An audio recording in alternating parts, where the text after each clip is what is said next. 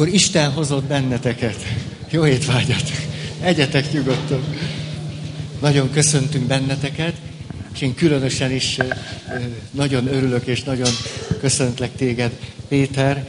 De Török Pétert már nem kell bemutatnunk, már most mindnyájan többször találkoztunk ővele, a Semmelweis Egyetem Mentálhigiéni Intézetének az igazgatója, szociológus, és még nagyon sok jót lehetne róla mondani, de hogyha te akarod, akkor még szóljál magadról olyat, ami fontos neked. Hihetetlenül visszhangos. Lehet ezzel valamit kezdeni? Annyira zavaró. Köszönöm. Köszi. Köszi. És akkor a mai alkalom ugye egy rendkívüli alkalom, még ezt a néhány bevezető szót hagy mondjam, és aztán úgyis Péter kapja a több teret, mert ő tudja az okosat mondani. Hogy arra gondoltunk, mikor meg volt a kutatás, hogy olyan gyakran volt sokunknak hasonló tapasztalata, hogy fél órákat, órákat, több órákat töltöttünk azzal, hogy valami kutatást megcsináltunk, és utána soha semmi visszajelzés nem érkezett róla. És azt tartottuk fontosnak, hogy ha már dolgoztatok vele, és hogyha már úgyis valamiképpen van egy, egy, egy egység tudatunk vagy érzésünk egymással, hogy akkor kaphassatok valamit ti vissza első kézből, még mielőtt a publikációk megtörténnek abból, amiért dolgoztatok, vagy amiért dolgoztunk. Tehát, hogy valamit vissza is kapjatok, valamit esetleg ti is tudjatok használni belőle, és hogy ne legyünk a hipotéziseinkre utalva, hogy mit gondolunk, gondolunk magunkról, milyen izgalmas, hogyha a számok egészen pontosan tudnak rólunk beszélni, hogy nagyjából hogyan lássuk ne csak külön-külön magunkat, hanem egységben vagy egyben önmagunkat. Úgyhogy ezt mindenképpen szerettük volna. És akkor át is adom Péter neked a szót, és én meg bősz hallgatásba burkolózom. Szeretettel köszöntelek ismételen, ismételten benneteket, és most az elején is, meg még majd többször megköszönöm azt, hogy ebben a kutatásban részt vettetek, és kitöltöttétek a nem is olyan rövid kérdőívet. Bevezetésként azonban egy magáról az egész kutatásról, annak a menetéről mondanék néhány szót. Az egész azzal kezdődött, hogy megkérdeztük Pál Ferit, hogy ő mit gondol ezekről az alkalmakról, egyáltalán milyen eredménye, ha van egyáltalán valamilyen eredménye, milyen eredménye van ennek, lehet ennek, vagy ő mit szeretne elérni ezzel a kutatás, ezzel a, ezekkel a keddesti alkalmakkal. Szóval ezzel kezdődött az egész, és utána talán, ha visszaemlékeztek rá, akkor a kutatás tulajdonképpen itt ebben a teremben kezdődött el. Először is minden harmadik padsorban találtatok itt egy egyoldalas kérdőívet, rövid kérdőívet rajta 11 kérdéssel. Ezzel az volt a szándékunk, hogy legyen valami alapképünk, hogy kik is járnak ide, hogy az alap, úgymond az alapsokaságot fölmérjük. Hála Istennek nagyon rendesen kitöltöttétek ezeket a kérdőíveket, itt minden harmadik padsorban mindenki kitöltötte, és ez alapján lett egy alapképünk arról, hogy hogyan is néz ki a kedd esti alkalomra járó személy. Ezt majd fölvillantjuk.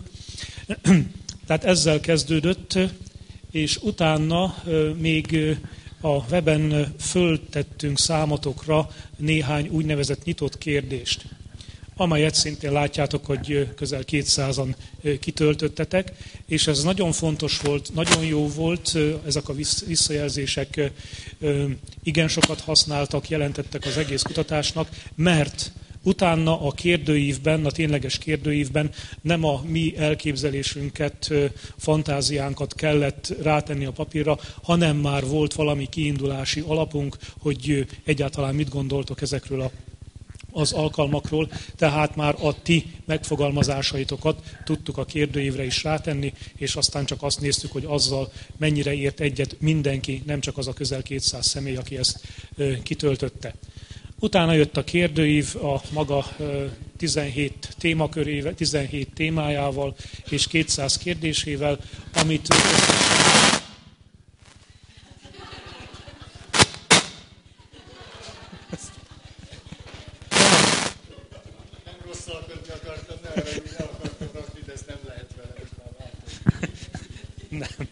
Most már nem rakhatod le, Feri, elkezdtük. Ja. Tehát közel 966-an, illetve 966-an töltöttétek ki, ebből 25 volt papír alapú kérdőív, és a többi az pedig online. Titeket ez nem érintett, de a szervezőkkel is volt egy rövid kis kutatás, akiknek 11 kérdést kellett megválaszolniuk, mind a 12 szervező kitöltötte. Erről most itt nem, ezt, ezt nem fogjuk bemutatni, hanem inkább azt, hogy ezek alapján hogyan ment ez, mit lehet látni. Először mi csak azt látjátok ismétlésként, felelevenítésként, hogy melyek voltak a témakörök.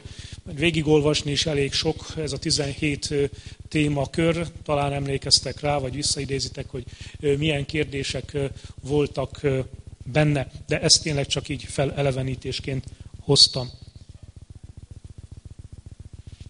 És akkor lássuk azt, hogy tulajdonképpen Pál Ferinek mi a szándéka ezzel a kedvesti alkalommal, mit szeretne elérni.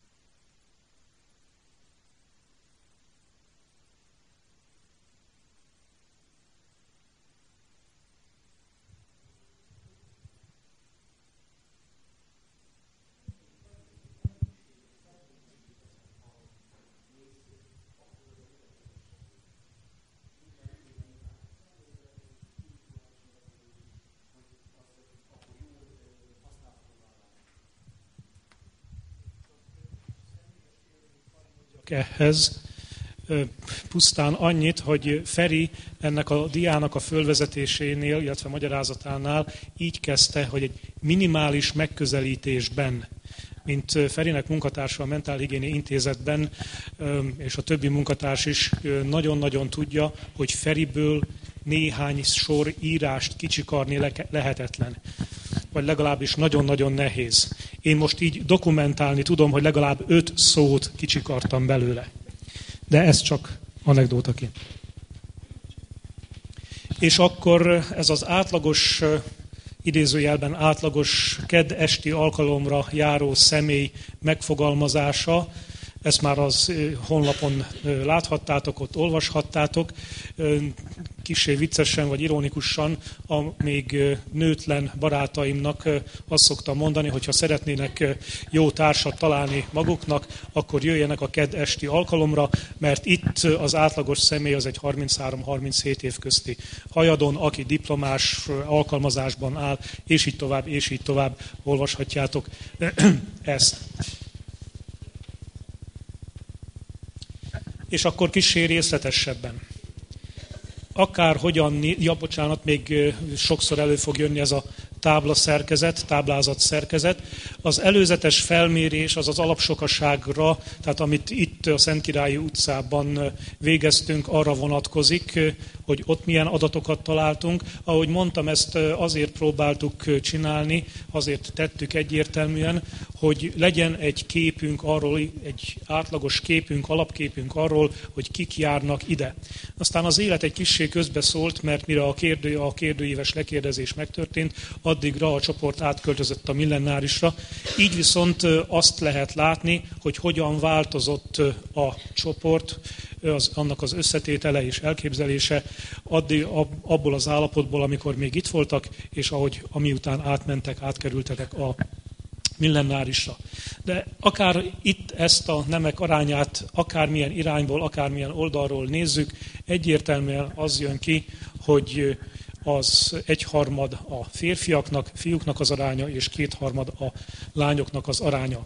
Glázer András ezt így kommentálta annak idején, hogy két lehetőség van, vagy minden fiú két nőt tud magával hozni ide a ked estére, vagy pedig két nő kell ahhoz, hogy egy férfit rábeszéljen arra, hogy eljöjjön a Pál Feri előadására nekem még csak annyi gondolatom van, hogy ezt az adatot elkotyogtam már nektek, és kifejezett nagy örömmel tölt el.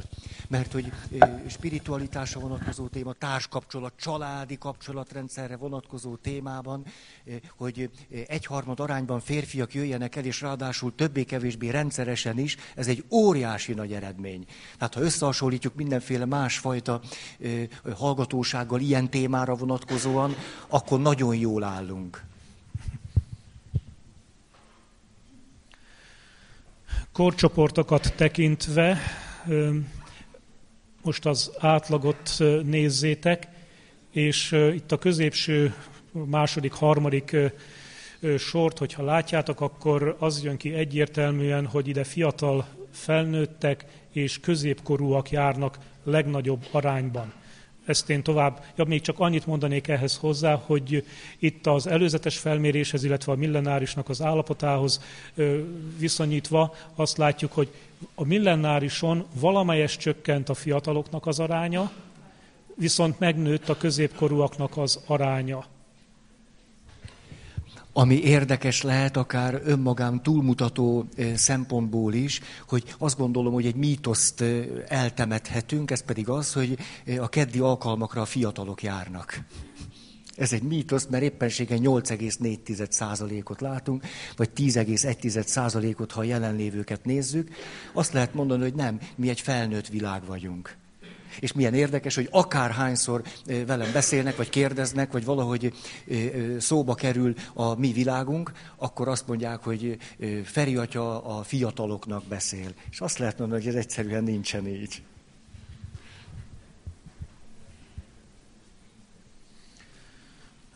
A családi állapotot tekintve Addig, amíg itt a Szentkirályi utcában egyértelműen a hajadonok nőtlenek voltak legnagyobb arányban, az a, millenári, az a millenárison kicsikét, nem kicsikét, hanem egyértelműen csökkent. Főleg a webről hallgatók, ugye azok aztán még jobban lehúzták ezt az átlagot. Amikor volt az alapsokaságnak a felmérése, azután jeleztétek, hogy kerüljön be az eljegyzett kategória is. Amit látjátok itt, ezt még nem kérdeztük meg az előzetes felmérésnél, meg a párkapcsolati kategória is. Hát a párkapcsolattal 11,1% élt, az eljegyzettekkel kevesebben, összességében 2% élt. Nagyon fontos, vagy szerintem sokat mondó az, hogy a házasoknak az aránya a millenárison megnövekedett, és ez egyértelműen a webről hallgatóknak köszönhető. Saját környezetemben, Pátriánban is találtam olyan személlyel, akiről kiderült, hogy Pál Feri rajongó, és ő ezt így kommentálta, vasárnap ebédfőzés közben, amikor a krumplit pucoljuk, akkor Pál Ferit hallgatjuk. Jelezheti ez viszont azt is, hogy a házasságban élőknél, főleg akkor, amikor gyermekek vannak, nem olyan könnyű eljönni a keddesti alkalomra, és ezért hallgatják a webről hogyha összeadogatjátok a számokat, le, lehet egyszerűsíteni talán, azt mondhatjuk, hogy körülbelül 50% párkapcsolatban él, és 50% pedig nem. Ezt talán érdemes arra a mítoszra kihegyezni, hogy ide azok jönnek, akik párt szeretnének találni. Hát ez sem igaz.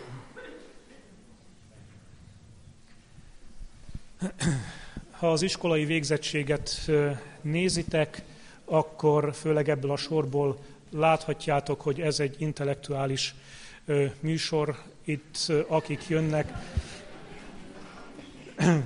azoknak a kétharmada diplomával rendelkezik. Itt csak arányaiban, hogy és összhangban azzal, hogy a fiataloknak az aránya a millenárisra való átköltözéssel csökkent, így a csak érettségivel rendelkezőknek az aránya is valamelyest csökkent.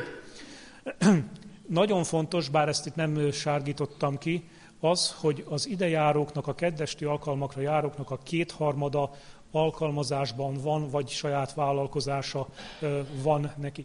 Ez így az életminőségre, meg a megelégedettségre, stb. van kihatással, és főleg, hogyha még ezt összeadjuk azzal, hogy akik még tanulnak, vagy tanulnak és dolgoznak, illetve a gyedengyesen lévőket is, hogyha még ehhez a kategóriához hozzáadjuk, akkor tulajdonképpen a nem alkalmazottak csak 13%-ban maradnak. Ez a későbbi elemzésekhez ad majd háttér szempontot. Megint csak az, ez alátámasztja azt, hogy illetve egy kérdésként teszem föl azt, hogy vajon mi a pozitívum, a jobb lehetőség a millenárison, ami miatt oda inkább elmennek a gyedengyesen lévő édesanyák, és miért nem jöttek ide a Szent Király utcába hogyha ezt egy összefüggésbe helyezzük, amit látunk, akkor egy izgalmas dolgot nézhetünk meg, hogy most megfordult az a logika, amit olyan sok évtizedeken keresztül egyértelműnek tartottunk, ami így szólt, hogy a város az vallástalan, vagy kevésbé hívő, szemben a vallásos vidékkel. Most már ez nem így van. Tehát, hogyha a katolikus egyháznak a, a mozgását nézzük, akkor azt lehet mondani, hogy a vidéki vallásosság szorul ki, egyre kevesebben járnak vidéken a templomokban, nyilván azért, mert az életkor előre haladtával a népi vallásosság tünedezik el vidéken, és ezzel párhuzamosan pedig történik egy nagyon izgalmas dolog, hogy a városban, templomokban, főleg ott, ahol fiatalok, vagy felnőttek és értelmiségiek valami miatt be tudnak menni a, a, a templom vonzás körébe, ott megújulások tudnak történni. Tehát a kereszténység nagyon sajátosan, most itt a 21. század elejé Magyarországon a népi vallásosság, vidéki népi vallásosság súlypontból elkezdett elindulni egy városi értelmiségi irányba. Csak két, két, Két rövid megjegyzés ehhez, amit most Feri mondott. Igaz, amit Feri mondott, de azért egy szempontot tegyünk hozzá kezd egy picikét eltolódni a hangsúly. Ez azt jelenti azért még, hogy továbbra is vidéken többen vannak vallásosak, de való igaz az, amit mond, hogy tényleg kezdett egy, növekedett egy picikét a városban lévő vallásosaknak az aránya, és az értelmiségiek, az értelmiségi vallásosoknak az aránya nőtt egy, mit tudom én, egy 10-11 néhány évhez képest. Második rövid megjegyzés, ez pedig csak az, hogy én teológiát nem végeztem, de Feri korrigálj, hogyha rosszul mondom. Az őskeresztény időkben a pogány az azt jelentette, hogy vidéki. És ez igaz, hogy ez volt a a kifejezés. Nem lehet tudni pontosan. Akkor valahol én így hallottam, és ehhez képest most, tehát az őskeresztény időkben legalábbis a kereszténység akkor mondjuk így először a városokban indult el, és lehet, hogy most valamilyen formában visszatérünk ehhez a tendenciához.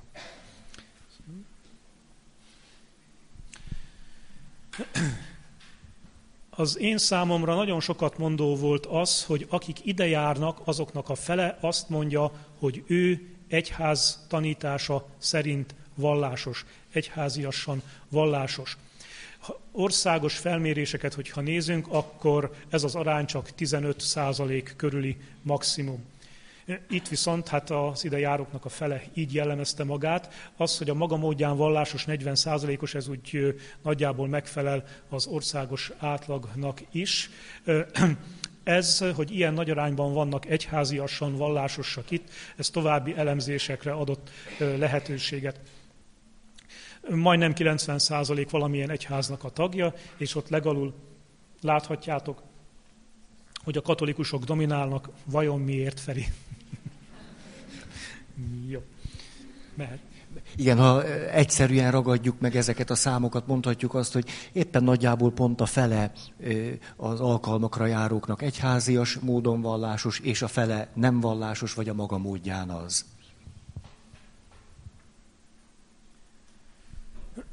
Volt egy ilyen kérdés is, hogy függetlenül attól, hogy, hogy vallásos vagy nem vallásos, mennyire tartja magát spirituálisnak.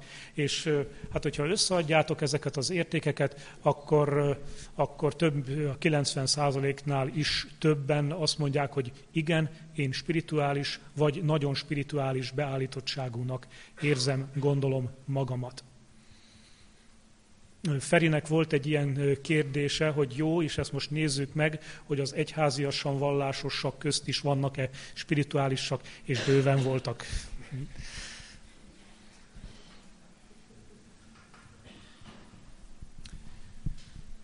És akkor most már az alapvető adatokon túl nézzük, hogy ezek az előadások, kedvesti alkalmak mit hoznak a számotokra. Szeretném még egyszer kihangsúlyozni azt, hogy ezek már a ti válaszaitok, és utána ezt csak a nagy kérdőívben csak teszteltük, hogy ténylegesen ez hány embernek fontos. Itt ugyan tizedes, tehát tört számot láttok, de ezt fölfoghatjuk úgy is, hogy százalék. Itt azt mutatja, ezek a számok azt mutatják, hogy valaki azt mondta, hogy igen, ebbe a világlátásom, akkor kapott egy egyet, egy pontot, ha nem, akkor nullát, és ezek alapján így akkor lehet látni azt, hogy 86% mondta azt, hogy igen, a kedesti alkalmak hatására a világlátásom javult, türelmesebb is lett, meg a kapcsolatai is pozitívabbak lettek. Kicsikét csoportosítottam ezeket a, a, az eredményeket, mert ahogy látjátok, a legfősőben vannak azok, amelyeket úgy hát csak legszubjektívebben ítéli meg az ember. Az egy személyes elképzelés vagy gondolat, hogy tényleg ez vagy az javult. Az alsóbbakat, összetartozási érzését, kapcsolatok bővülését, egyház kapcsolatokat már jóval kevesebben mondták, hogy igen, ezek is javultak, de ezt már nem csak egy szubjektív érzés, itt még szubjektív érzés volt, de már ti magatok is jobban tudtátok ezt, ezt megítélni, hogy ez mennyire javult, mennyire nem javult. Én csak annyit tennék még ehhez hozzá, hogy ezt lehet kétféleképpen is értelmezni. Lám-lám, a, amíg a világlátásuk javult ezeknek az embereknek, addig a kapcsolataik csak fele arányban bővültek.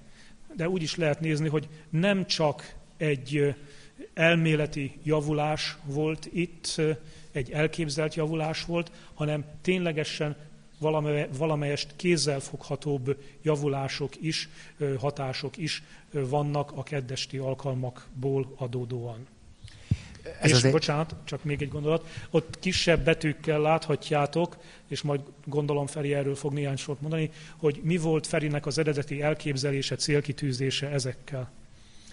Ez az egyik legizgalmasabb lap, tehát itt ennél érdemes egy picit még megállni. Nagyon pozitívan látom az eredményeket. Mégpedig azért, mert hogy úgy tűnik, hogy ezek a minimális célkitűzések, legalábbis amik az én szándékomban voltak, nem tudom, hogy ezek megvalósultak-e vagy nem, mert azt látjuk, hogy mi az, amire ti azt mondtátok, hogy azok megvalósultak, de azt lehet látni, hogy a megvalósulásban olyan értékek jelentek meg, amik nem egyszerűen csak a gondolkozásnak az átalakulása vagy formálódása, hanem személyiségbéli alakulás és változás, és cselekvésben, magatartás módban való alakulás és változás is kimutatható abból, amit ti válaszoltatok. Ez pedig egy döbbenetesen nagy dolog, hiszen ez mondjuk nem egy önismereti csoport, ahol tételesen és konkrétan a magatartás formáknak a változására tudunk elkezdeni gyakorlatokat kitalálni, és a többi, és a többi. Tehát, hogy tulajdonképpen, most ha le akarom egyszerűsíteni, hogy, hogy a beszéd révén, és annak révén, ahogy a mi egymáshoz tartozunk és kapcsolódunk, és a programjaink mennek, a magatartásban és a személyiségünkben is úgy tűnik, hogy egészen egyértelműen tudtunk alakulni és változni. És most, hogyha azt a legkevésbé kiugró adatot nézzük, a javuló egyház kapcsolat, most ha ezt összevetem azzal, hogy két éve tulajdonképpen az egyházról, vagy konkrétan a, a hitről, vagy a spiritualitásról, a kereszténységről nem is beszélek.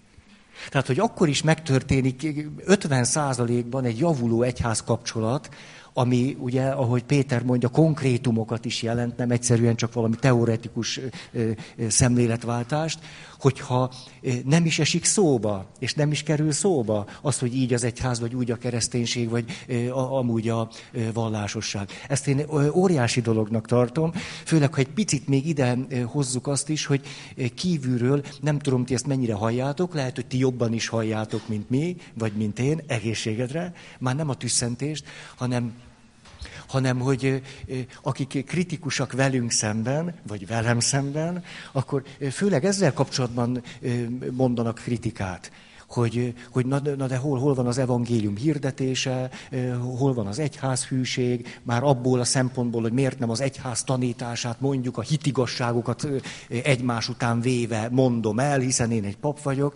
Tehát, hogy éppen ezekben a kérdésekben Isten kapcsolat, egyház kapcsolat, vagy, ami az előző lapon volt, hogy az egyház módján gyakoroljuk-e a vallásunkat, vagy nem, már akik magukat vallásosnak nevezik, itt ért a legtöbb kritika, vagy a legtöbb kérdőjel, és a kutatás azt mutatja, hogy egyáltalán nem kell összehúznunk magunkat. Hogy szó sincs róla, hogy itt valami, valami olyasmi történne, ami ne volna pozitív, akár most a magyar római katolikus egyház szempontjából. Korábban,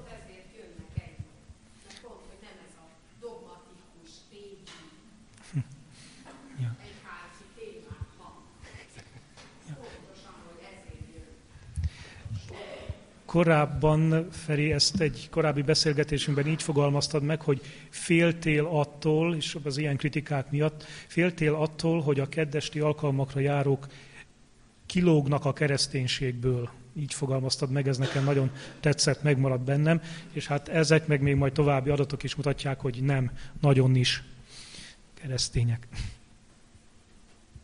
Nyilván ehhez azt tenném hozzá, hogy mindenki úgy lógjon ki, ahogy ő akar.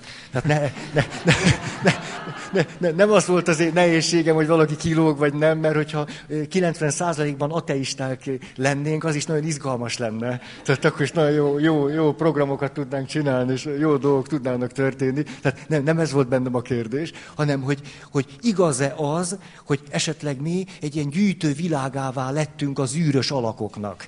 Most, most nagyon egyszerűen biztos értitek értitek ezt, hogy miről, miről beszélek, vagy ezt hogy gondolom, most az én egyházias vagy kultúrkeresztény logika szerint. És hogy a kutatások ezt éppen, hogy, éppen, hogy nem igazolják, hanem az ellenkezőit igazolják. Néhány mutató a lelki egészségre, elvégre Feri a Mentálhigiéni Intézetben is dolgozik. Egy egyértelműen lelkileg egészséges csoportról van szó, a boldogság és az elégedettség, itt baloldalt az első és az utolsó adat, ezek úgy nagyjából, nagyjából megegyeznek az országos átlaggal is, de a jó egészség, hogy az ember azt, mond, azt mondjátok 94%-ban, hogy jó az egészségetek, ez kimagaslóan jó, kicsattanóan jó, egészségesek vagytok, és az is, hogy a saját életetekre való befolyást 84%-ban éreztek. Hát ezt gondolom köszönhető részben Ferinek is. Azután volt egy önértékelési skála, amelyhez sajnos nem tudok egyértelműen országos adatokat vagy átlagokat mondani, de az érzésem az az, hogy, az, hogy 75% inkább pozitívan ítéli meg önmagát, az eléggé jó eredmény.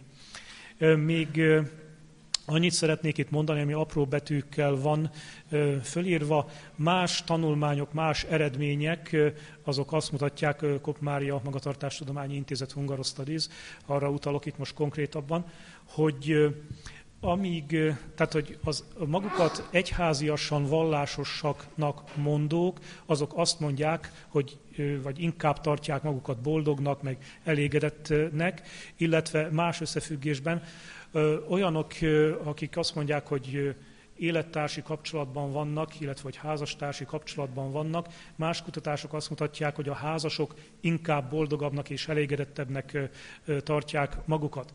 Megmondom őszintén, ebben a csoportban az alaphipotézisem az volt, hogy itt is ez fog kijönni. És nem. Ennek biztosan nagyon sok más oka van, részben az, hogy Feri sok mindenre rámutat, de itt legalábbis ebben a sokaságban, a keddesti alkalmakra járóknál ezt nem lehet állítani. Hogy beszélgettünk, Feri, segíts, hogyha valamit elfelejtek még. Tehát nem lehet csak olyan egyszerűen azt mondani, hogy ha valaki házas, akkor egyértelműen boldogabb lesz vagy hogyha valaki egyháziasan vallásos, akkor már mindjárt a hetedik mennyországban jár. Jobb lesz. Ennek nagyon sok összetevője van, esetleg néhányat, ha mondasz, Feri, vagy erre utalsz. Igen, ugye erről mostanában sokat beszéltünk, és ezek az adatok nagyon izgalmasak, hogy azért emlékeztek éppen a legújabb kutatások szerint minden második ember Magyarországon boldogtalannak mondja magát, és hogy alulról a harmadik helyen álltunk és hogy boldogabbak, és sokkal-sokkal egészségesebbek vagyunk, mint az átlag, és ráadásul nagyon tetszik, hogy a tanult tehetetlenségnek a, a, a rettenete az nem, nem vonatkozik ránk, és aztán az az összefüggés, meg Péter, amit te mondasz, itt is van egy gondolatom, hogy, ugye, hogy nem mondhatjuk mi a kutatások alapján, hogy itt is az derült volna, hogy a házasok boldogabbak, mint az élettársi kapcsolatban élők, és, és a, a, az egyház egyházias módon vallásosak, vagy a templomba járók minta nem, ez nem derült ki, és én azt gondolom, hogy itt lehet valami összefüggés, hogy eh, valahogy jobban kézbe tudtuk venni az életünket. Hogy azok a külső keretek, vagy, vagy azok a külső egyébként nagyon fontos adott esetben formák, vagy egybetartó erők, amik nagyon sokak számára, ahol a belső erőforrások, a belső tartás, az identitás, az önazonosság, ezek nem annyira erősek, azoknak nagyon nagy jelentősége van. De hogy úgy tűnik, hogy például, ez egy hipotézisem, hogy mi viszonylag, hogy az, hogy türelmesebb lettem. És a türelmesebb lettem, az egyértelmű összefüggésben van az érzelmi megküzdési stratégiákkal. Tehát nekem úgy tűnik, hogy egyrészt az érzelmi megküzdési stratégiákban is jobbak vagyunk, mint az átlag, de hogy befolyással, gyakor, befolyásom van az életemre, az pedig a direkt megküzdési stratégiákra utal. Tehát az a hipotézisem, hogy az átlaghoz képest sokkal jobbak vagyunk a megküzdési stratégiákban való jártasságunkban és emiatt aztán boldogabbnak, elégedettebbnek érezzük magunkat, függetlenül attól, hogy milyen módon vagyunk vallásosak. Még mielőtt átugornánk a következő diára, a jobb oldalt fönt az önértékelési skálánál látjátok, hogy azért akik nullára vagy negatívra értékelték magukat, azok 25%-ban vannak, és erről akarnék még néhány adatot. 25 százalék nagyon sok. Minden negyedik közülünk magát alul értékeli, alul becsüli. Ez, ezzel még dolgoznunk kell. Kik azok, akik inkább negatív önértékeléssel bírnak? nem tudom mennyire látjátok a piros számokat.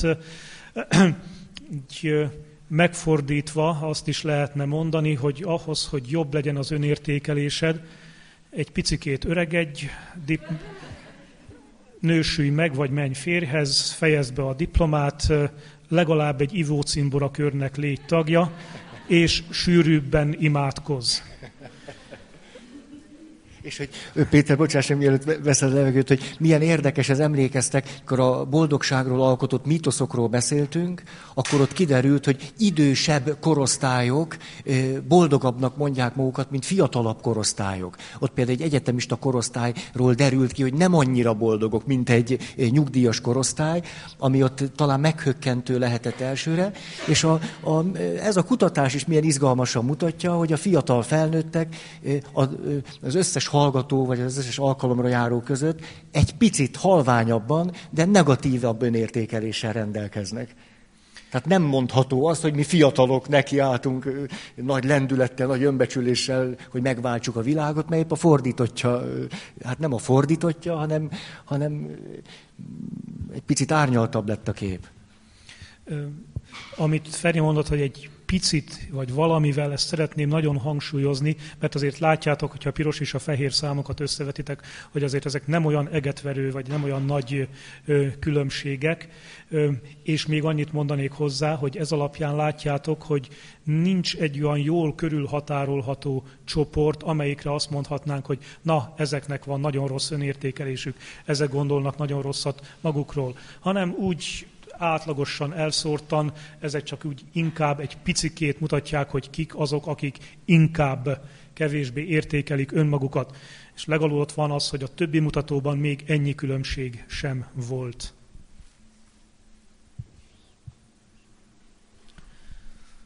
Na, egy sláger téma. Mi szükséges a sikeres házassághoz?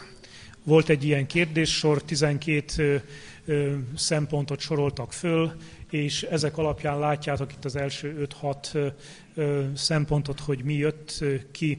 Jobb oldalt az EVS, az a European Value Studies európai értékrend kutatásokra vonatkozik. Tehát ez azt jelenti, hogy össze tudjuk vetni a magyarországi, mondjuk így a magyarországi átlaggal. Ennek a felmérése 2008-ban volt, tehát időben sincs olyan nagyon távol a mi felmérésünktől és azt látjátok, hogy igazából itt az alkalmakra járók többé-kevésbé ugyanazt és majdnem ugyanolyan sorrendben mondják, hogy mi a fontos, mit tartanak szükségesnek, fontosnak a sikeres házassághoz. Itt a számok azt mutatják, vagy úgy kell olvasni őket, értékelni őket, hogy minél kisebbek, a számok, annál fontosabbnak tartottátok. Az egyes volt az, hogy nagyon fontos, kettes valami, valamelyest fontos, és hármas, hogy, hogy nem nagyon fontos.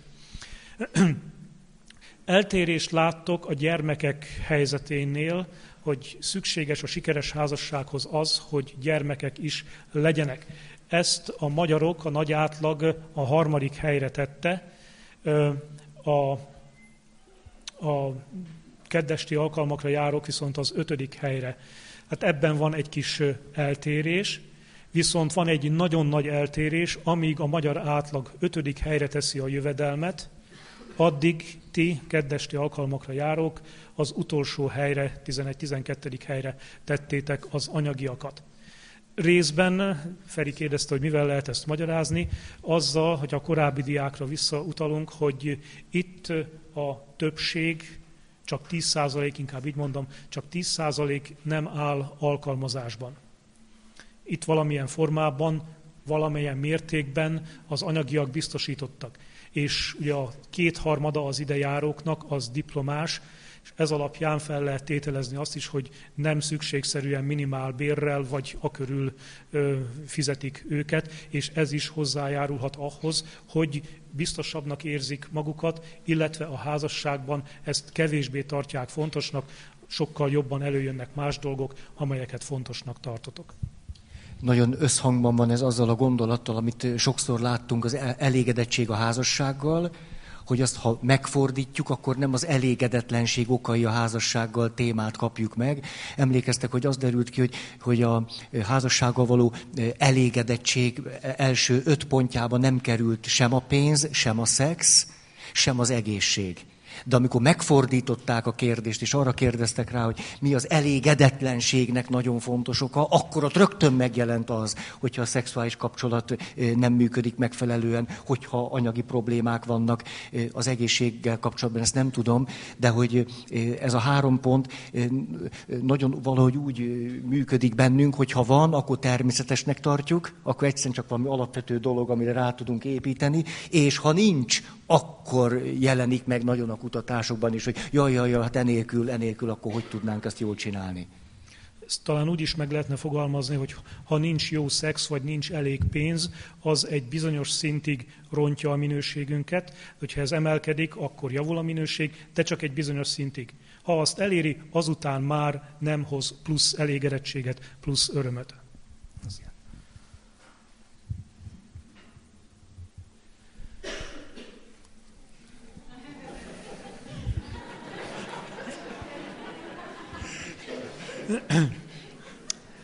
A szociológiai és részben pszichológiai szakirodalomból összeszedtem azokat a jellemzőket, amelyek alapján valakiről azt mondja, hangsúlyozom a szociológia és a pszichológia, hogy na, ez egy karizmatikus személy.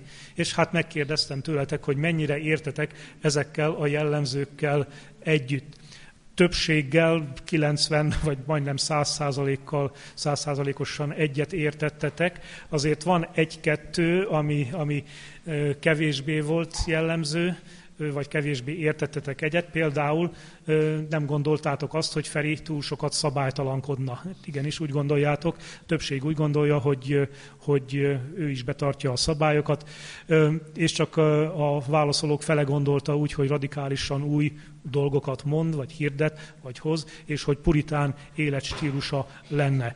Mellesleg meg, megjegyzem, most nem a sportkocsival jött, hanem csak egy nagyon egyszerű kocsival. De ö, Ferinek van még két szempontja ehhez a témához. Igen. Én nagyon reálisnak tartom, hogy így láttok, hogy nem vagyok puritán, és a, miközben hajlok az aszkézisre, de, de hogy nagyon örülök annak, hogy, hogy szabálykövetőnek is láttuk vagy tartotok ez mondjuk én a személyiség érettségéhez is hozzátartozónak veszem, hogy képes legyen valaki szabálykövető lenni, mert anélkül nehéz társas viszonyokban létezni. De ahol izgalmas gondolatok támadtak bennem, ez egy hipotézis, nem tudom, hogy így van-e, hogy mondjuk a konkrét jövőképet ad, az mondjuk, mondjuk 70 százalék, az előrelátó képesség az ugye még az 50 százalékot sem éri el. Nagyon izgalmas, belenéztem a tükörbe többször, hogy néztem magamat, hogy mennyire látok előre, és a, de, mindig beleütköztem saját magamba. De a, a következő hipotézisem alakult ki, hogy, hogy ne, ha én magamat kérdezem, én azt gondolom, hogy nekem van azért, van azért ilyenem, de eh, hogy a, a kutatások ezt nem igazolják.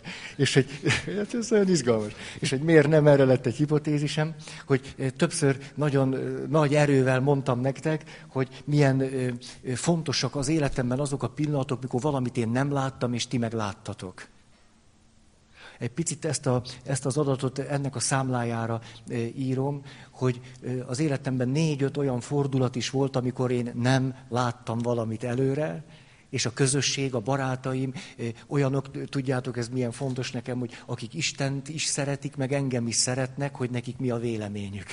Ezt én nagyon, sokszor olyasmit tudnak, valahogy a, most így mondom, hogy a, a Szentléleknek valahogy a működéséből, amit lehet, hogy az egyes ember nem, jelen esetben én. És hogy én ezt nagyon tematizáltam számotokra, és a hipotézisem az, hogy ezt én annyira jól elmélyítettem bennetek, hogy én nem láttam, nem láttam, hogy ez meg is fogant.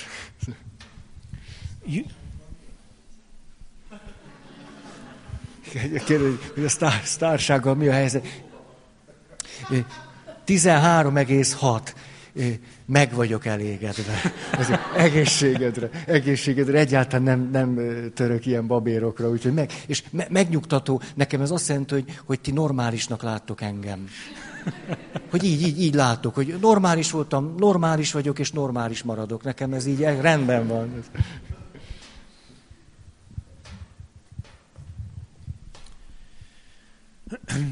Ja, akik vallásosnak mondták magukat, azoknak 8, közel 80%-a katolikusnak tartja magát, és hát akkor most próbáljunk meg kicsikét, próbáljuk meg ezt a katolicizmust egy kicsikét megpiszkálni. Miből áll ez, mennyire van ez így ténylegesen.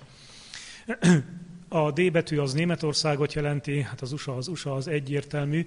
Innen tudtam valamelyest összehasonlítható adatokat szerezni. Magyarországi adatok sajnos még nincsenek, úgyhogy ebből a szempontból ez a kutatás volt talán ez az első itt Magyarországon, amelyik ilyen kérdésekre rákérdezett. Úgy nagyjából azt lehet látni, hogy, hogy a magyarok, mármint ti itt összességében, azok hát úgy verik a németeket és az amerikai katolikusokat, szinte a heti rózsafűzér mondás kivételével minden másban, és hát természetesen az egyház, magukat egyház tanítása szerint katolikusoknak tartók, azok meg még inkább. Mennék tovább. Ezeket nagyon nagy számoknak látom. Tehát ez azt jelenti, hogy 90% körül van. Szinte nem is tudom kommentálni. Itt viszont hitelvekkel való egyetértésről, tehát nem annyira a gyakorlatról, viselkedésről, hanem hitelvekkel való egyetértésről van szó, itt már nem vagyunk olyan kiugróan jók, sőt az amerikaiak néha megelőznek bennünket, az adataink azért közelebb vannak, többségben közelebb vannak a magasabb amerikai adatokhoz, mint a német adatokhoz. Talán kevésbé látszik, azzal a véleménnyel, hogy az abortusz mindig rossz, ugye németeknek 53, amerikaiaknak 58 százaléka értett egyet, itt az egész társaság átlagát nézve 54% értett egyet, és közel 70%, 69% mondta a magukat egyház tanítása szerint katolikusnak vallók, hogy, hogy az abortusz mindig rossz. Ezt egy kicsikét, még most ugornék fel, és akkor majd... Még egy kicsikét tovább cizelláltuk, tovább bontottam és tovább néztem. Itt azokról van szó, mind a keddesti alkalmakra járókon belül, mint pedig a magyar átlagon belül, az EVS kutatások alapján, akik magukat katolikusnak és az egyház tanítása szerint katolikusnak tartják. Tehát mind az országos átlagban, mind pedig az itteni pálferi alkalmakra járókon belül, akik magukat az egyház tanítása szerint tartják katolikusnak. Mennyire értenek Bocsánat, itt ez még nem az, elnézést előreugrottam már gondolatban, ez még nem az, itt csak az alkalmakra járóknak az átlaga és a magyar lakosság, Cakli-Pakli mutatja ezt. Egyértelműen az alkalmakra járók ebből a szempontból sokkal inkább az életvédelme mellett vannak, mint sem a magyar, vagy kevésbé, mint a, a magyar lakosság. Ugye így fogalmaztuk meg, Feri, ezt, hogy az abortusz bevonult a um, családtervezésbe. Az abortusz a családtervezésnek az egyik eszköze itt a magyar lakosságon belül. Már a mai magyar közgondolkozásban. Igen. És ez sokkal kisebb mértékű természetesen a kedvesti alkalmakra járóknál, és akkor ez mutatja azokat, akik, akikről az előbb papoltam, beszéltem, hogy mind a magyar lakosságon belül, mind pedig az idejárókon belül, akik magukat katolikusnak és az egyház tanítása szerint katolikusnak tartják, a magyar lakosságon belül, ez nézzétek meg, 35,7 vagy 45 százalék, tehát átlagban mondhatnánk azt, hogy a magyar lakosság 40 százalék, a magyar katolikusok egyház tanítása szerinti katolikusoknak 40 százaléka azért megengedhetőnek tartja az abortuszt. Ezzel szemben az idejáróknak jóval kevesebb, mint 10 százaléka gondolkodik így. Nekem ez mindenfelől megdöbbentő adat. Tehát, hogy, hogy a, a egyházias módon katolikusnak magát vallóknak a 35 vagy 45, tehát 40 százaléka igent tud az abortuszra mondani meghatározott helyzetekben. Ez nekem egy megdöbbentő valami. Tehát jól mutatja, hogy amikor egy konkrét nehéz élethelyzetbe kerül valaki, akkor az egyház tanítása mennyire belső indítatású, belsővé vált érték, vagy pedig mennyire nem, illetve hogy egy nehéz helyzet mennyire tudja ezt az értéket valakiben felülírni, Ugye ez a 40 százalék én szerintem döbbenetesen sok. Ehhez viszonyítva a 6 százalék vagy a 8 százalék az, az meg hallatlanul jó, tehát egészen kimagaslóan jó. De tudom máshonnan is nézni, hogy, és akkor pedig ott inkább sírok, hogy hogyha elhangzik ez a kérdés, hogy az abortusz rossznak tartom-e, vagy nem, vagy minden szempontból rossznak tartom-e, vagy tudok-e olyan helyzetet, amikor nem tartom rossznak, az egyház tanítása azt mondja, hogy erre úgy volna érdemes válaszolnunk, hogy az abortusz rossz, attól függetlenül, hogy ez milyen helyzetben történik meg. És hogy ezen kezdtem el gondolkodni, hogy hogy miből jön ez a szám.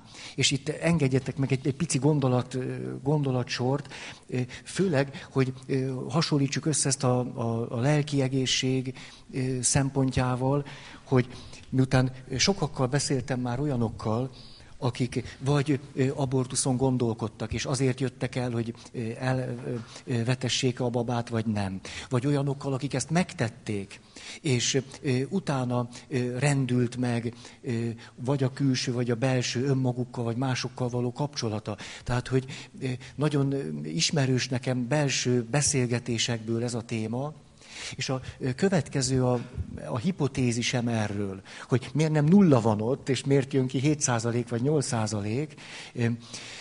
Azt gondolom, hogy ha valamennyire érintettek vagyunk ebben a kérdésben, akkor a lelki életben maradáshoz valamennyire fontos, hogy tudjunk ne csak valamilyen elvvel, még ha ez egy belső elv is, azonosulni, hanem tudjunk azonosulni azzal a valakivel, aki valamilyen szempontból érintett lett az abortusz kapcsán. Ugye, hogyha ö, eszembe idézem azokat, akik jöttek, és ö, abortusz után voltak, és ö, alvászavarral küzdöttek, ö, öngyilkossági ö, gondolataik voltak, ö, munkaképtelenné váltak, akkor azt lehetett rajtuk látni, hogy egy nagyon mély és súlyos belső meghasonlásban voltak, semmilyen módon nem tudták saját magukat elfogadni. Miközben valamilyen módon érintettek voltak az abortuszban, vagy ők tették ezt meg, vagy helyeselték, vagy valakinek segítséget nyújtottak, mert volt, hogy az ilyen személy szülő volt például. Nagyon megijedt, hogy mi lesz a gyerekemmel, akkor helyeselte, és utána jött, és nem tudott aludni.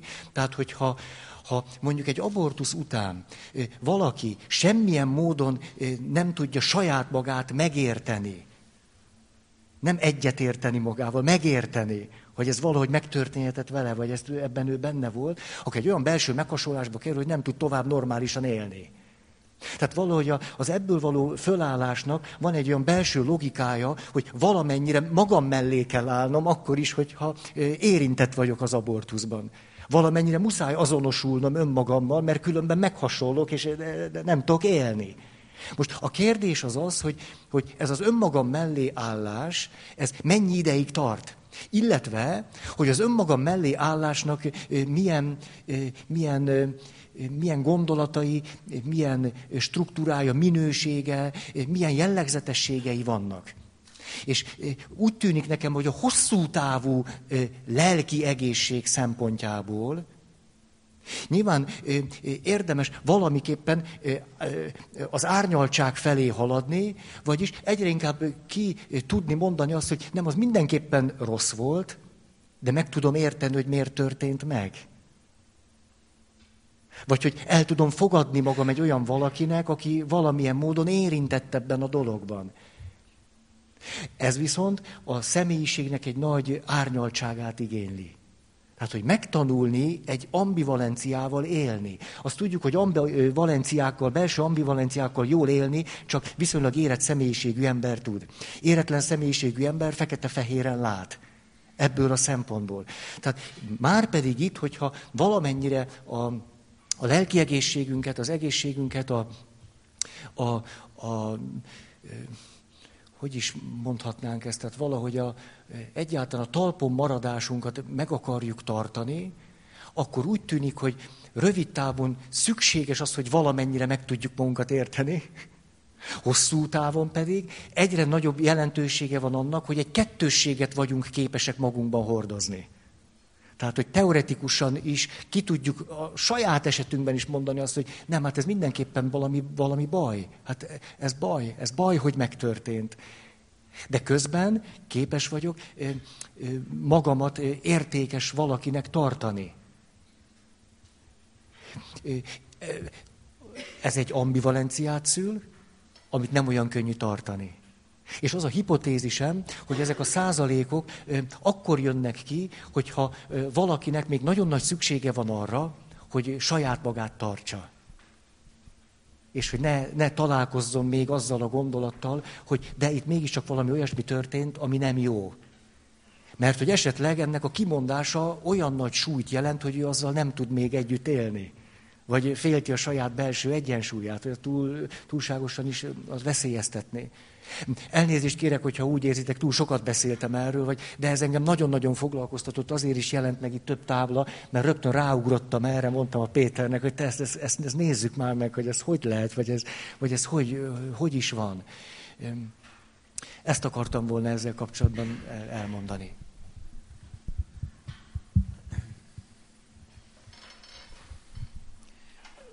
Csibészeket, vagy milyen szót használtál itt korábban. Talán emlékeztek rá, volt két olyan kérdés a kérdőívben. Az egyik azt, mutat, azt mondta, állította, hogy egyházam tanításával több szempontból nem értek egyet, a másik pedig az, hogy szeretném az egyházat belülről megreformálni. Mind a két kérdésre összességében négy-négy pontot lehetett szerezni, akik hat, legalább hat pontot megszereztek a lehetséges nyolcból, azokat nem csibészeknek, hanem belső reformereknek neveztem. És utána ja, bocsánat, az előbbi dián még ott volt, hogy az idejáróknak 41%-a ilyen belső reformer, és itt további bontást láttok férfiaknak 37, nőknek 42%-a ilyen, és az egyház tanítása szerint vallásosaknak ugyancsak 37%-a, viszont a maguk módján vallásosaknak 46,4%-a ilyen belső reformer. reformer. Mutatja ez azt, hogy ugyan van egyet nem értés az egyház tanításával, itt most az abortuszról beszélt Feri, illetve korábban láttátok a vallásosoknak, hogy áldozhatnak-e vagy sem. Tehát ilyen kérdésekre kell gondolni, vagy lehet gondolni itt. Tehát vannak nézeteltérések, de ezeknek az emberek, ezek az emberek továbbra is meg akarnak maradni az egyházban.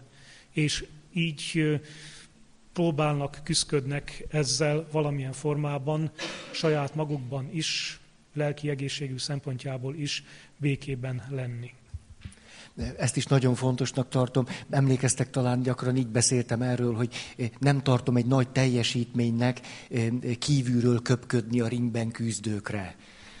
És hogy itt az jött ki, hogy milyen nagy százalékban vagyunk olyanok, akik akik ha már körözténynek mondják magukat, akkor elkötelezetten egyházias módon teszik ezt, és hogy milyen nagy ez a belső reformer erő bennünk, hogy ez azt jelenti, hogy itt van egy elkötelezettségünk, és hogy belülről akarunk valamit tenni, és nem, nem a könnyebbik utat választjuk, hogy kívülről pusztán csak kritikákat fogalmazunk meg. Nekem csak még egy gondolatom ehhez, hogy az egyház tanítása szerint vallásosaknak majdnem 40%-a ilyen belső reformer, reformer. Ez az egyháznak egy óriási erőforrás, amiből sok mindent megvalósíthat. Kételyek. Azokat a százalékokat látjátok itt, akik úgy érezték, hogy legalább mérsékelten átélték ezeket a kételyeket, foglalkoztak ezekkel a problémákkal. Összességében azt lehet mondani, hogy olyan nagyon nem vagytok kételkedők. Jó, becsúszott. A legnagyobb arányban is csak azt éltétek át, legtöbben fele arányban, hogy a vallás nem teszi szükségszerűen jobbá az embereket, az összes többi ennél alacsonyabb vagy jóval alacsonyabb érték. És Miután mennyit beszéltünk arról jó pár évvel ezelőtt, hogy a vallásos kultúrformák milyen hihetetlen sokszínűséget tudnak mutatni, és hogy ne ismernénk olyan vallásos kultúrformákat, amelyek kifejezetten rombolóak. Úgyhogy tulajdonképpen, hogy ez a kételj megjelent, ez, ez azt mutatja, hogy képesek vagyunk árnyaltan látni, és képesek vagyunk reflektálni valamire, ami egyébként értékes számunkra.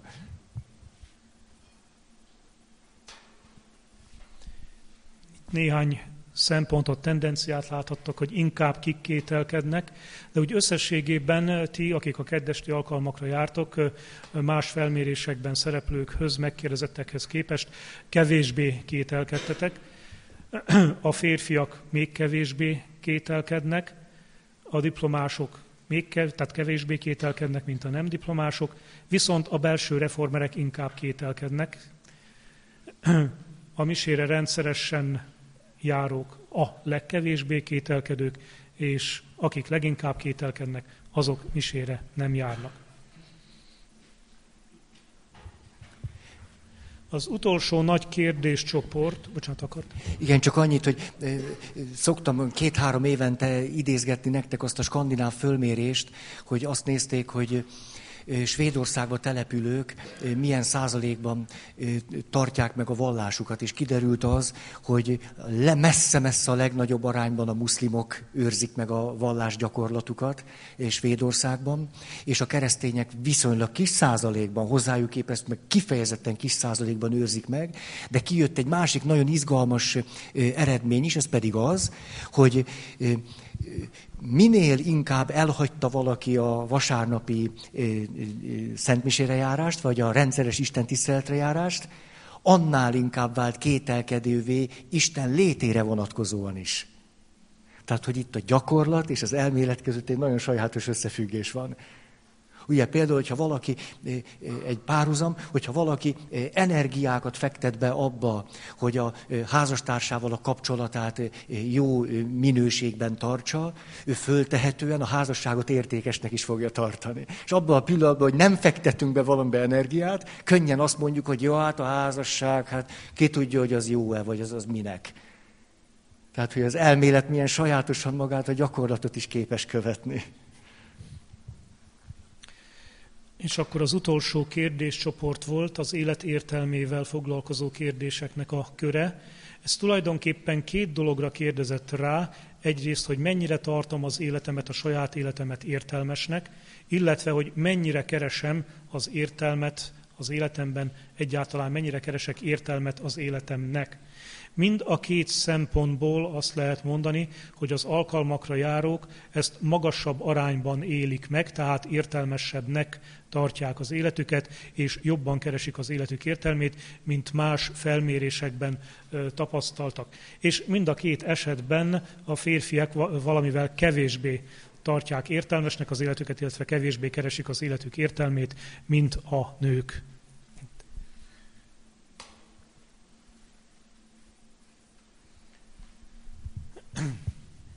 Ez a Feri kedvence, az egyik kedvence.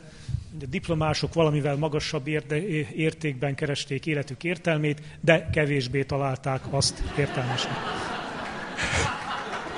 Ez azt jelenti, hogy nem kell diploma ahhoz, hogy értelmes életet éljünk. Ez a örömhírünk. És talán nem meglepő, hogy akik ebbe a belső reformer vagy csibészkörbe kerültek, Feri megfogalmazásában, azok sokkal inkább keresik az élet értelmét, mint akik nem.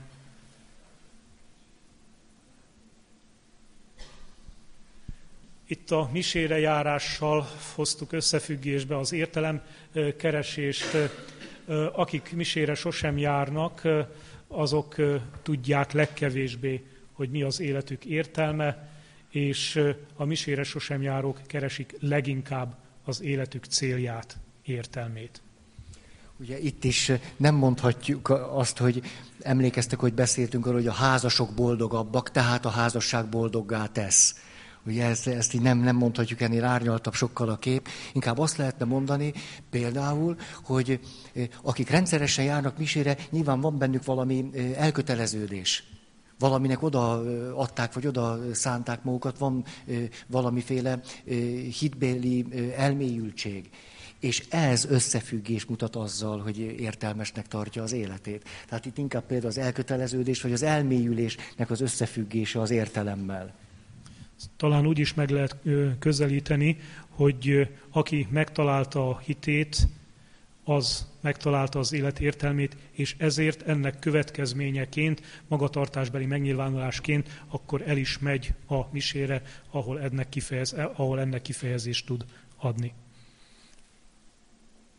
Azt hiszem ez volt az utolsó dia, úgyhogy remélem, hogy értelmes volt ez a kis összefoglaló.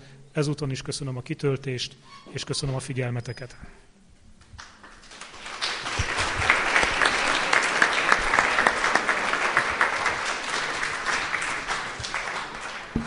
Péter, akkor most itt ezúton is szeretném nagyon megköszönni a munkádat. Hatalmas munka van ebben, el, elképzelhetetlen, rengeteg, rengeteg munka.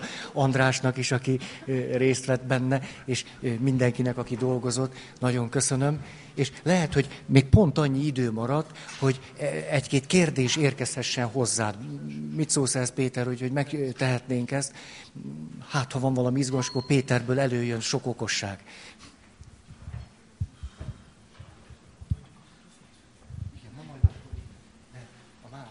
Tudunk cserélni? Majd én, én viszem. Akkor cserélünk, ez a tiéd.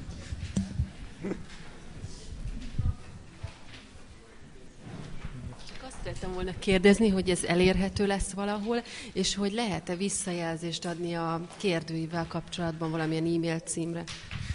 A kérdőivel kapcsolatban már adtatok visszajelzést, úgyhogy köszönöm, de természetesen lehet most is visszajelzést adni, vagy a későbbiekben is, és természetesen ez meg fog jelenni könyv, vagy mindenféle más publikáció formájában is, úgyhogy elérhető lesz. Ez a PowerPoint presentation, ez még most nem fog felkerülni a honlapra, mert ahogy itten Ferivel beszélgettünk, vagy néztük, ekközben is fedeztem föl még benne hibákat, meg ez még azért egy eléggé, hát azt nem azt mondom, hogy ez az elsődleges, vagy első összeállítás, mert azért tényleg nagyon sokat dolgoztam rajta, de még nagyon szeretném csiszolni, tovább cizellálni.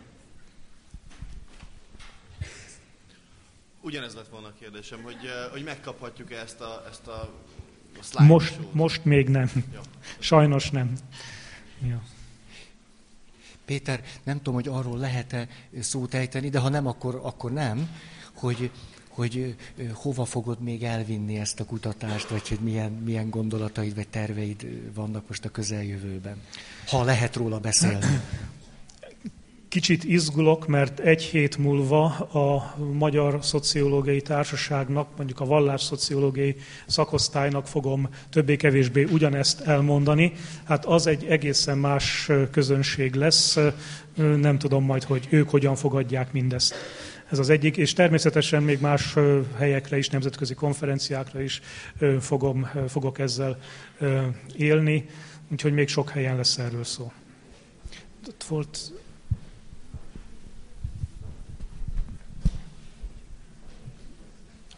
A jövőre vonatkozólag, hogyha még lesznek ilyen kérdések, akkor lehetne még nemekre felbontani bizonyos kérdéseket, például az abortussal kapcsolatban. Minden további nélkül Mert lehet most minden. ezt hiányoltam, és a másik pedig, hogy ha még lesznek ilyen kérdések, akkor szeretném tudni a határon túliakról is, hogy, hogy hányan hallgatják a webet például. Erről majd András tud bővebb információt szolgálni, és lesz És hogy is. honnan? Igen, igen. Ö, igen, hát nem tudom, András, most akarsz erről mondani, mert Köszönöm. ezt te tudod legjobban. Ő most nem akar erről beszélni. ja. Ja. Én csak amit, amit megértettem az András által prezentált grafikonokból, ahhoz egy, egy dolog nagyon megütötte a szememet, hogy egy előadásnak, talán azt hiszem a leg, ez volt a legmagasabb, letöltése 50 ezer volt. Az egyik előadást 50 ezren töltötték le a webről. Hát azt hiszem, ez mindenféleképpen csúcs. Ezt nem tudjuk, lehet, hogy valaki kétszer-háromszor is letöltötte, lehet ez is benne van a pakliban, de akkor is az, hogy egy-egy előadásnak ekkora népszerűsége van, az sokat jelent.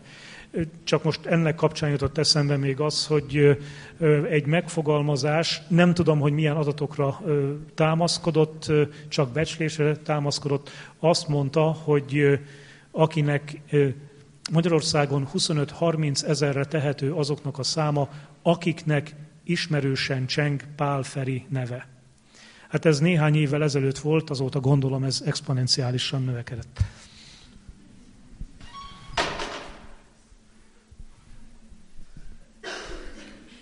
Valahol még volt kéz, igen. Na majd most kiderül. Szeretném kérdezni, hogy ezek a, a különbségek, amiket itt látunk, statisztikailag is jelentősek? Tehát, hogy történt elemzés, nem csak összehasonlítják, hogy nagyobb vagy kisebb egy szám, hanem hogy... Ö, igen, igen, igen. Ö, összességében, tehát igen, csináltam szignifikancia teszteket egyértelműen. Egy-két helyen azt hiszem oda is volt írva, itt főleg az utolsónál a két helyeknél, illetve az életértelem, életértelmének keresésénél azt hiszem egy-két dián ott is volt, hogy mi az, ami egyértelműen és szignifikánsan különbözik.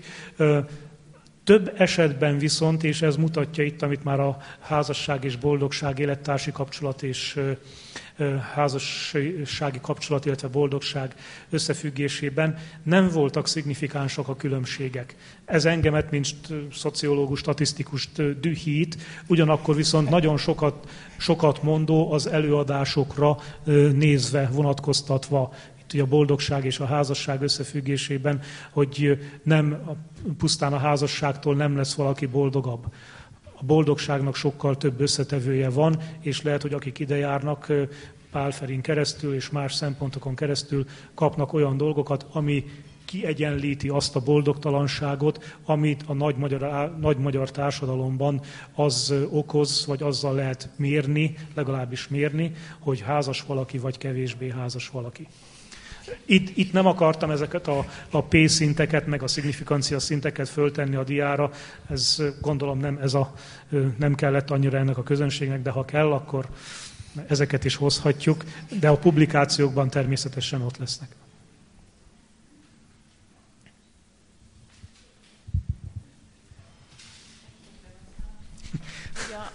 Úgy látszott, hogy a férfiaknál kevesebb az, aki az életértelmét keresi, hogy erre esetleg van-e valami gondolat, hogy, hogy ez mi miatt lehet?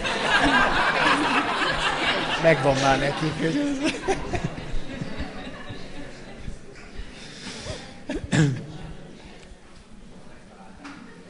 Erről eszembe jutott egy vicc, de ez inkább Ferinek a műfaja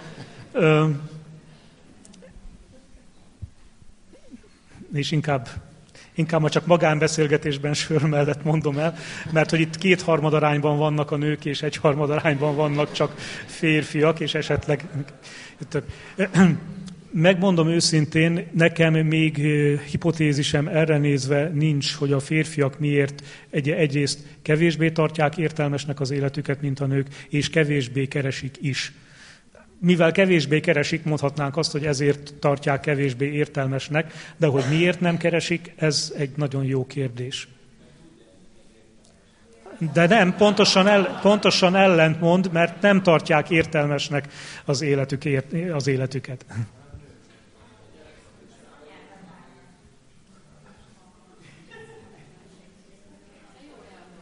Igen, itt csak fölhangosítom, azt mondják, hogy azért keresik jobban a nők, és találják is meg jobban az életük értelmét, mert ők válnak anyává. És ez jelek szerint mélyebb elgondolkodásra készteti őket.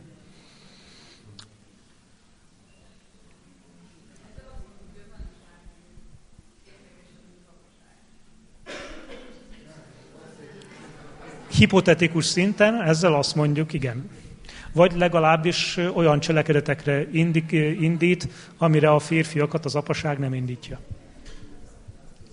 Még lenne egy kérdésem, hogy a nem katolikusok egy kicsit hátrányban érezhetik magukat, hogy őket azért nem elemezték, mert kicsi a számuk? Nem, egyszerűen csak azért, mert még nem volt rá időm, hogy ezt megcsináljam. Ha emlékeztek, a kérdőívben volt egy olyan kérdéssor is, ami kifejezetten a reformátusokra vonatkozott, hogy akik magukat reformátusnak és az egyház tanítása szerint reformátusnak mondják, ott is volt nyolc szempont, hogy azt ténylegesen mennyire teszik. Megmondom egyszerűen, még nem volt rá időm, és mivel itt többségben vannak a katolikusok, ezért hoztam a katolikus adatokat. De az is benne lesz majd természetes. Ezért akkor most elnézést kérünk. Igen.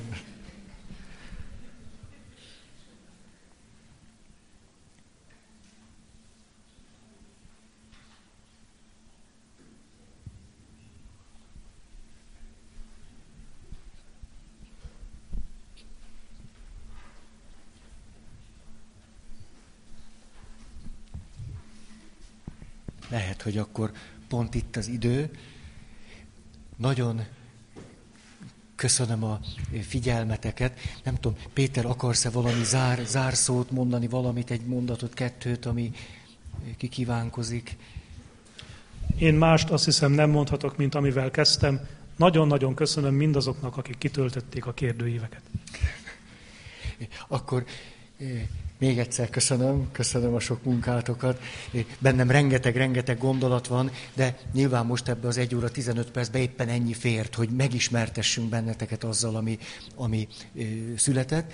És akkor mielőtt egy imádsággal befejeznénk, akkor jövő héten ugye a szokott helyen, a millenárison fogunk találkozni, és folytatjuk a témánkat, mégpedig fejest ugrunk abba, aminek a bevezetőjét 18 pici jelenetben próbáltam ábrázolni számotokra, hogy milyen olyan szinte a személyiségünkhöz tapadó nehézségeink tudnak lenni akkor, amikor szeretnénk megelégedetten, boldogan és tartósan társkapcsolatban élni, hogy hogyan ragadhatnánk meg azokat a szinte már úgy érzékelhető nehézségeinket, hogy de hát valahogy ilyen vagyok. Vagy de hát valahogy állandóan ebbe ütközöm bele. De hát már 125-ször megértettem, vagy beláttam, hogy nem így kéne, és mégis így csinálom. Na, erről szeretnék beszélni. Mert, mert valószínűleg sokszor éppen itt bukunk el, hogy értjük, tudjuk, próbáljuk, és, és valami egyszerűen bennünk megakadályozza azt, hogy úgy csináljuk, ahogy akarjuk. Ugye, hogy ez, ez, ez a legkínzóbb valami csoda. Na erről szeretnék akkor beszélni. 18 kis pontocskánk lesz. Mondjunk egy imád.